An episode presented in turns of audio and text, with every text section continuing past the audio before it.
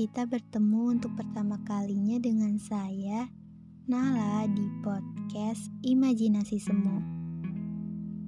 Hmm, di episode pertama ini, saya ingin sedikit berbagi kisah tentang saya yang pernah menyukai seseorang dengan sangatnya. Ya, saya menyukai seorang teman yang saya pikir tadinya saya dapat mengubah kata teman itu menjadi sesuatu yang lebih indah.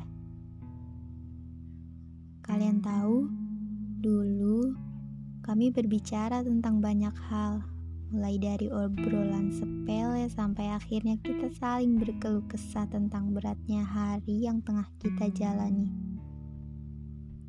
Hmm, sebut saja namanya angkasa. Kenapa?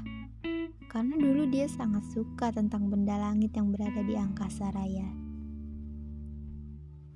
Waktu itu, tanpa segan ia mengeluh tentang lelahnya menjadi ketua kelompok yang di mana pada saat itu teman satu kelompoknya sedikit susah untuk diatur. Kemudian saya bilang padanya, sabar ya angkasa, kalau kamu capek istirahat aja dulu, gak usah terlalu dipikirin ya. Setelah itu ia tersenyum dengan hangatnya.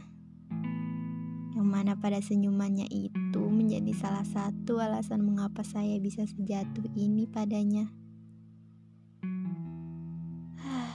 Andai saja kamu tahu, Sa, kalau saya dari dulu ingin sekali mengungkapkan semua perasaan yang selama ini saya simpan rapat-rapat. Andai mengucapkan kalimat indah itu semudah membalikkan telapak tangan. Sebenarnya bisa sih saya mengatakannya dari awal, tapi saya belum sanggup menerima segala konsekuensinya. Saya terlalu takut. Saya takut kalau nanti kamu menghindar.